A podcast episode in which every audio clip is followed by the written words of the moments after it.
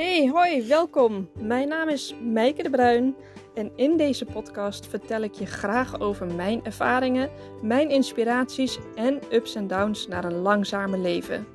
Wil jij ook uit de red race stappen of zelfs wel ontsnappen? Leren hoe je jouw pad kan bewandelen en bewuste keuzes kan maken? Luister dan vooral naar mijn persoonlijke verhalen. Laten we beginnen.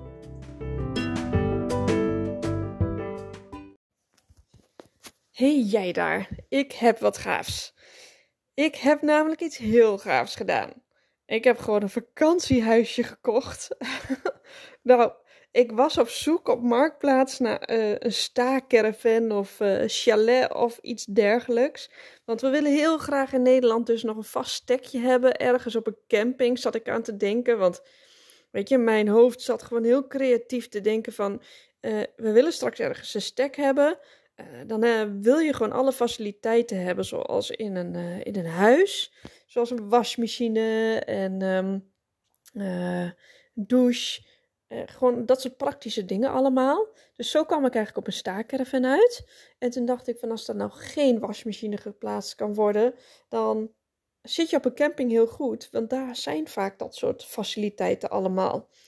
En ik denk om nou iedere keer in, in een vakantie, als we terug willen naar Nederland, om met de camper helemaal terug te gaan van Malaga naar Nederland. Ja, daar, daar, daar rij je echt gewoon een dikke week over. Ik denk echt wel anderhalve week rij je daarover.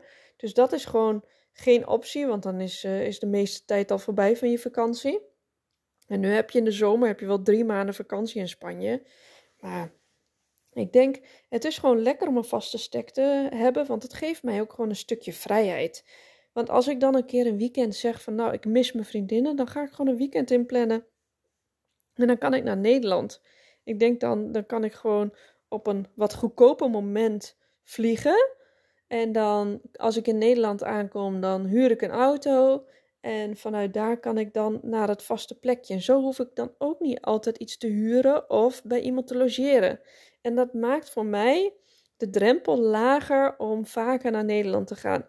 Ik heb natuurlijk geen enkel idee hoe dat daadwerkelijk in de praktijk gaat uitpakken. Maar theoretisch klinkt het briljant, toch? En um, nou, zo was ik dus aan het kijken op Marktplaats. En ik had ook al wat campings op uh, Google Maps gekeken die echt hier zo in de omgeving zitten. En uiteindelijk hadden Diederik en ik hadden we drie campings uitgekozen, waarvan de eentje wat verder weg is. Wij wonen nu in Gorsel. Nou, dat zit tussen Deventer en uh, Zutphen in aan de IJssel. En onze meiden hebben natuurlijk heel veel vriendinnetjes hier opgebouwd, vooral in Zutphen en in, uh, in Gorsel. Dus het is fijn als de camping daar zo'n beetje gecentreerd is.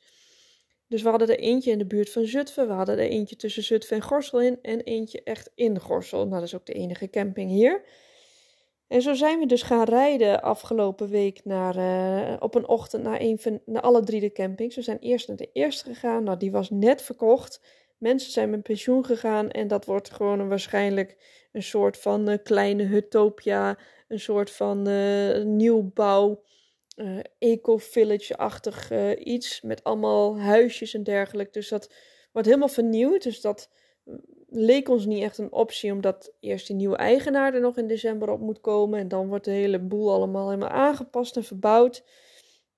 En qua, qua locatie vond ik hem ook niet top net iets te ver weg van Zutphen. Echt helemaal aan de andere kant. Dus qua fietsen, het is een omgeving die we minder goed kennen. Dus stel je voor dat onze oudste, uh, die mag met 16, mag ze alleen gaan vliegen.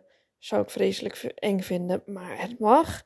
Dus als de situatie zich voordoet en zij wil een keertje en ze kan een keertje alleen naar Nederland, dan vind ik dat gewoon geen prettige plek, omdat ik daar niet helemaal alles precies weet qua weggetjes en zo. Het is echt wel uh, boerenland. En daar ben ik heel erg bekend mee, want daar wonen we nu ook. Maar dan ben ik net niet daar bekend genoeg. Dus het vind dan toch. Nee, tussen mijn oren past dat gewoon niet helemaal.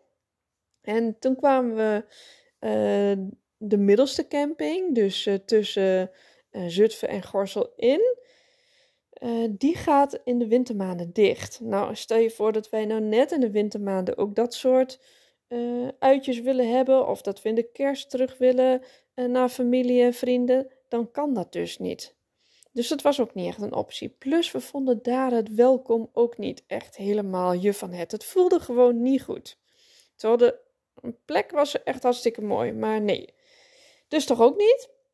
En last but not least, ik, ik liep, of ik liep, ik uh, viel echt bijna om van de honger. Ik had echt heel veel trek. Het was één uur of zo.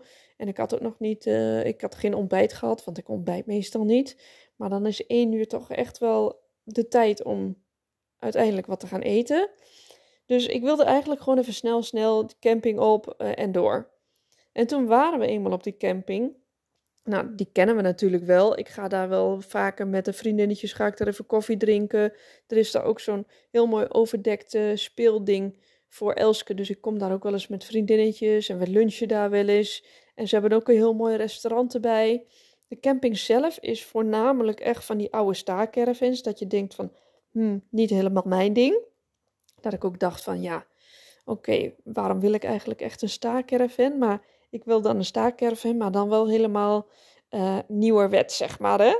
een beetje helemaal uh, in de stijl van, uh, van nu. Um, maar daar is het dus echt in de stijl van 30, 40 jaar geleden.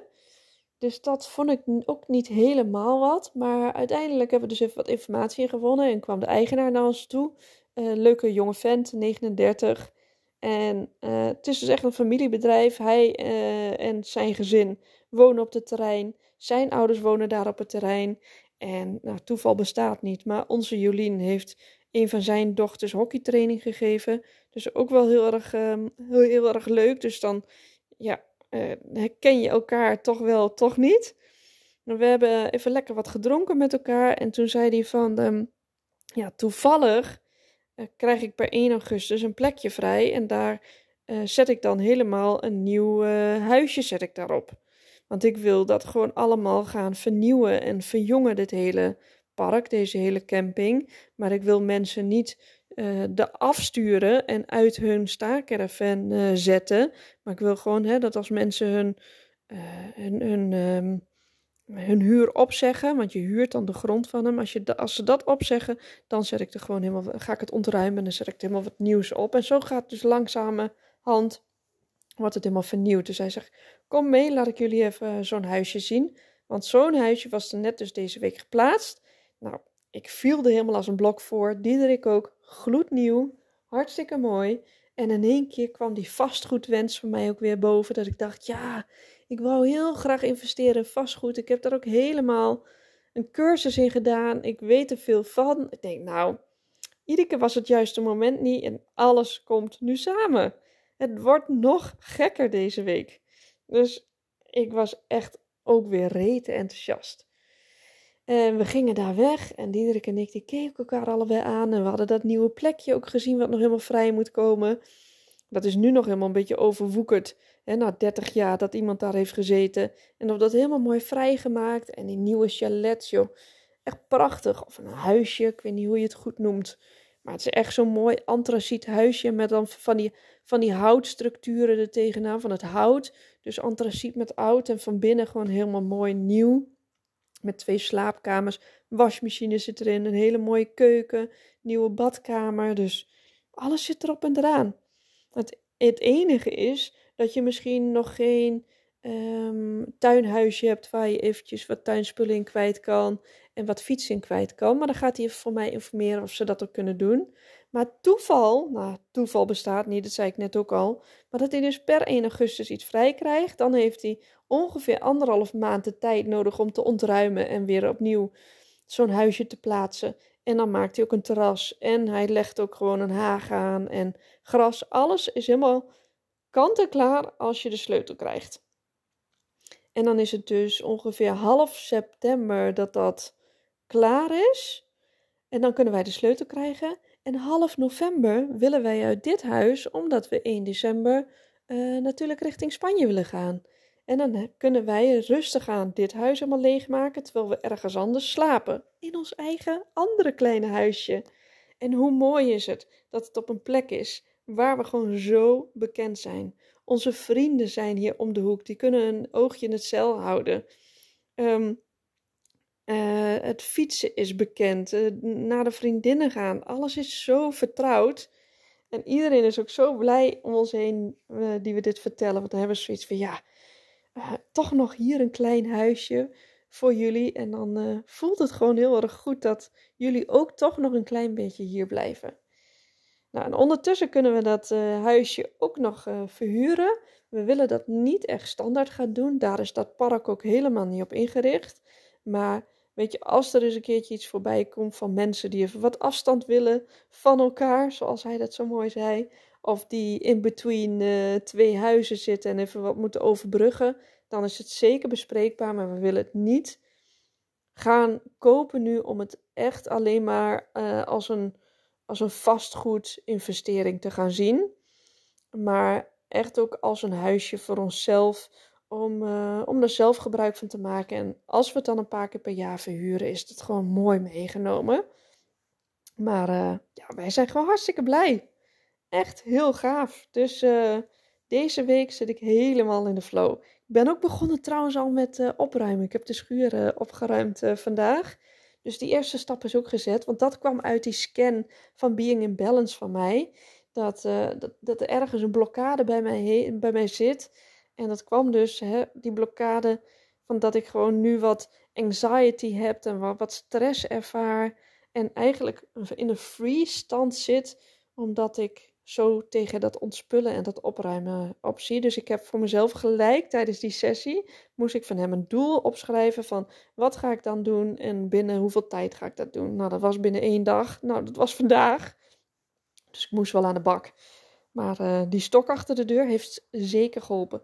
En last but not least, ik heb me ook ingeschreven voor die Being in Balance opleiding. En die start dan 14 september. Ik heb er nu al zin in. Joehoe!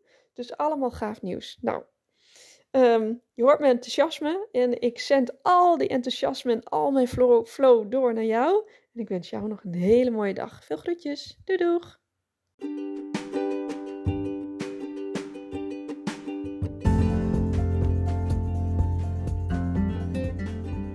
Hey, dankjewel voor het luisteren. Neem ook vooral even een kijkje op mijn website leeflangzamer.nl. Daar kan je in de shop onder andere de drie-stapsmethode vinden om achter jouw passie te komen. En ook het geluksjournal staat hier. Die is zo waardevol omdat het jouw kompas wordt in je leven. En je vindt hier ook mijn programma Van Gedoe naar Geluk. Ik ontwikkel allemaal dingen die mij hebben geholpen en nog steeds helpen naar een langzamer en gelukkiger leven. En als je deze podcast nou leuk vond, wil je hem dan alsjeblieft delen op je socials en praat er vooral ook over. Heb nog een fijne dag, veel groetjes en liefst, dankjewel, doeg!